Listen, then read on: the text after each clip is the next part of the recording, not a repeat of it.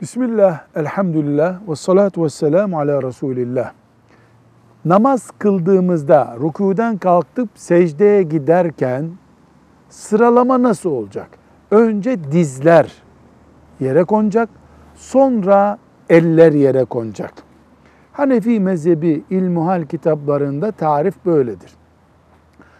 Tabii ki dizi ağıran, ayağı ağıran elini önce koyar veya nasıl gidiyorsa ayrı bir mesele. O özür. Ama önce dizler, sonra eller, sonra alın secdeye konacak.